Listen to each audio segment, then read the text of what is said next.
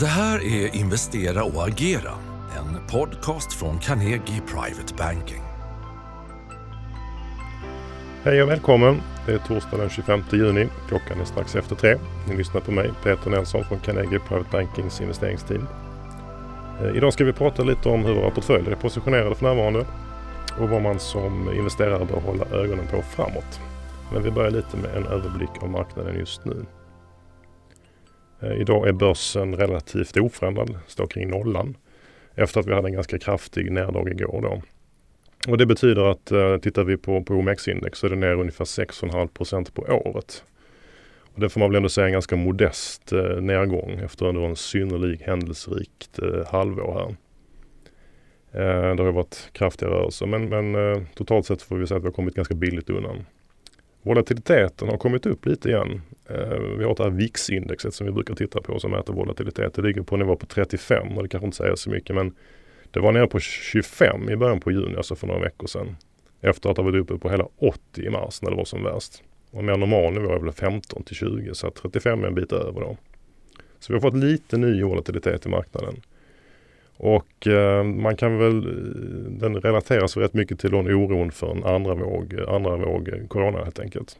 Eh, vi har ju fått lite rapporter nu om att eh, det finns ökad spridning, framförallt i USA, en del delstater där. Men även i Europa kommer det liknande rapporter och samma sak faktiskt i Kina. Så att lite ny oro kring, eh, kring det.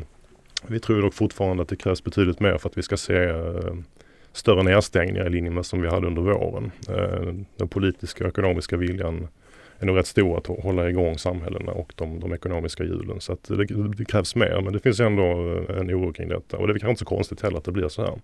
När folk börjar röra sig mer i samhällena igen. Förutom Corona så um, tycker vi väl att politiken också igen kommer in lite mer på, eh, på agendan här. Det amerikanska presidentvalet börjar närma sig och eh, där kommer komma mycket utspel säkert framöver. Det ser ut lite grann i opinionssiffrorna som att Trump ligger under och är lite pressad och det kan säkert föranleda diverse utspel för att, för att eh, skapa rubriker och, och vända då opinionen som kan tolkas på olika sätt av finansmarknaden.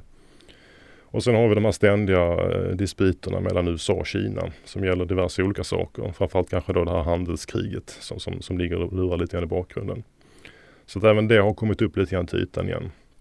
Och när vi pratar USA så bör man också nämna det här med skatter. Eh, för det kan ju vara så att eh, det kan finnas anledning att behöva höja skatterna efter, eh, eller framåt och att Demokraterna skulle kunna gå till val lite grann på en agenda med något högre skatter.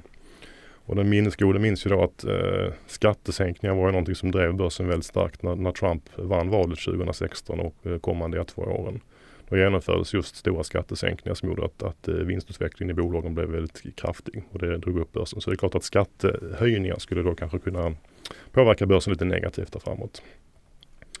Så givet det är det väl inte så konstigt att det kommer lite perioder med, med vinsthemtagning, inte minst efter de här kraftiga uppgångarna som vi har sett under, under större delen av våren. Och mot detta ska vi fortfarande, fortfarande ställa att vi har kraftiga stimulanser som påverkar marknaderna positivt. Och att vi också ser nu faktiskt att, att vi har ett bättre makroläge. Från dåliga nivåer förvisso men ändå. Alla barometrar nu börjar peka lite grann uppåt. Så att det är också något som tolkas positivt och som motverkar då att vi nog skulle få någon större nedgång just nu. Det är inte det vi tror på i varje fall. Men små rekyler kan alltid komma. Tittar vi lite tekniskt så ser det ut som att marknaden konsoliderar. Man får ingen tydlig signal här egentligen. Utan det finns lite motstånd och lite stödnivåer. Vi är mitt emellan ungefär. Så att lite konsolidering. Kikar vi framåt, eh, vi har ju en rapportperiod som börjar närma sig här igen. Det går fort. Eh, I mitten på juli kan man sätta och braka loss på allvar. Och det är klart att vi är väldigt nyfikna på att se vad bolagen rapporterar. Signalen hittills är, vi vet ju om att, att eh, april och maj har varit väldigt dåliga månader generellt sett för många bolag som har någon typ av konjunkturpåverkan i sig. Men att juni då verkar ha blivit betydligt bättre och det är väl det vi vill se bekräftat i rapporten att det faktiskt är så att det fortsätter att peka uppåt. Men det har varit ont om prognoser för eh, andra kvartalet så att det finns en rätt stor osäkerhet i vad, vad bolagen kommer att rapportera. Och det är inte alls omöjligt att det kommer komma rätt mycket vinstvarningar här i början på juli redan när bolagen börjar få in siffrorna för, för juni. Och det kan ju både vara negativa och positiva vinstvarningar. Det vill säga att det har blivit ibland bättre än väntat och ibland sämre än väntat beroende på hur, hur coronaeffekterna ser ut. Likaså kommer vi väl vara rätt nyfikna på om bolagen nu vågar sig på att lämna utsikter för andra halvåret. Eh, att de har fått lite mer klarhet i, i vart världen är på väg. Så att det där kommer ju styra börshumöret den kommande månaden. Eh, det kan även bli en del spekulationer med utdelningar. Vi har ju inte fått så mycket utdelningar som vi hade hoppats på. Framförallt bankerna har inte kunnat betala ut någonting och där undrar ju alla om det kan bli utdelning under andra halvåret istället. Men finns nog risk för att de kommer att skjuta ytterligare på de här besluten för att se lite grann under hösten hur, hur läget är. Men det är en, eh, om utdelningarna börjar komma tillbaka på agendan det skulle vara en positiv signal för en hel del bolag. Förutom rapporter så skulle jag säga valuta också en viktig sak att hålla lite koll på här. De sista månaderna så har dollarn generellt sett tappat en del. Det brukar vara bra generellt sett för riskviljan på marknaden, för de globala börserna. Svagare dollar. Så att eh, mot kronan har exempelvis dollarn gått från som högst 10,40 i mars när vi hade den värsta turbulensen ner till cirka 9,40 så det är en ganska hyfsad rörelse.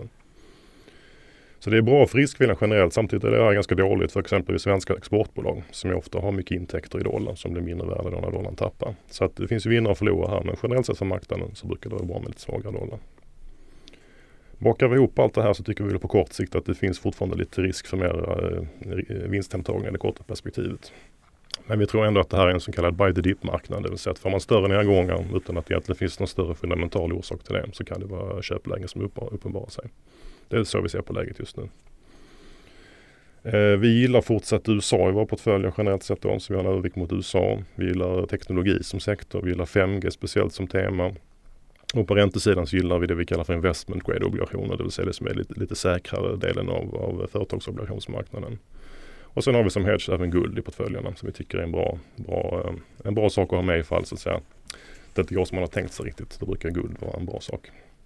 Om vi tittar över på svenska aktier så har det varit, eh, vi är snart färdiga med det här första halvåret, eh, väldigt händelserikt. Framförallt är det tillväxtbolagen som har klarat sig väldigt bra.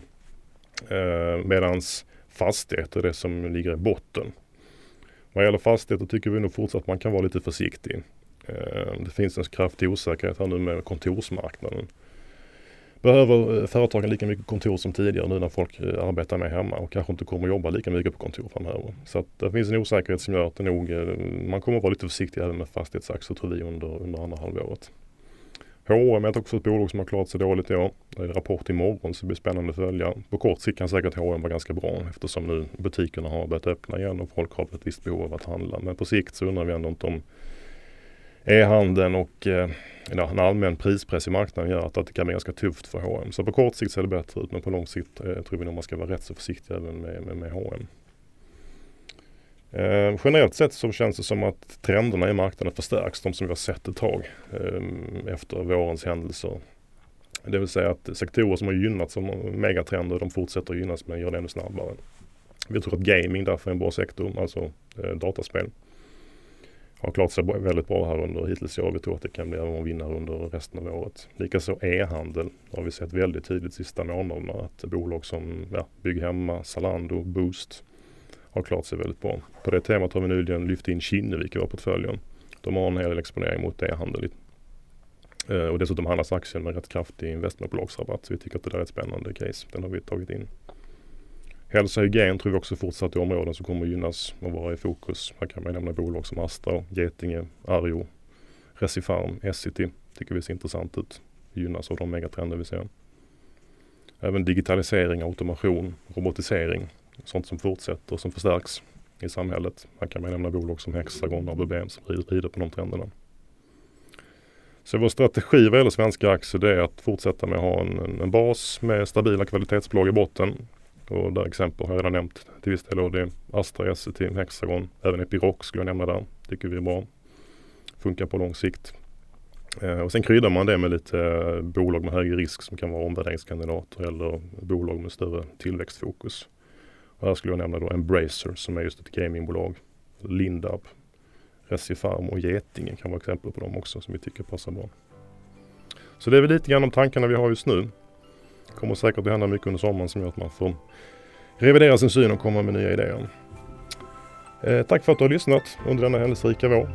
Under den mest turbulenta tiden släpper vi faktiskt ett avsnitt varje börsdag för att hjälpa våra lyssnare att navigera genom stormen. I augusti räknar vi med att vara tillbaka med ny kunskap för att möta börshösten 2020. Ha en trevlig sommar! Vill du veta vilka aktier och investeringar vi tror på? Du som ännu inte är kund kan beställa en provportfölj på carnegie.se privatebanking så sätter vi ihop en rekommenderad portfölj för dig.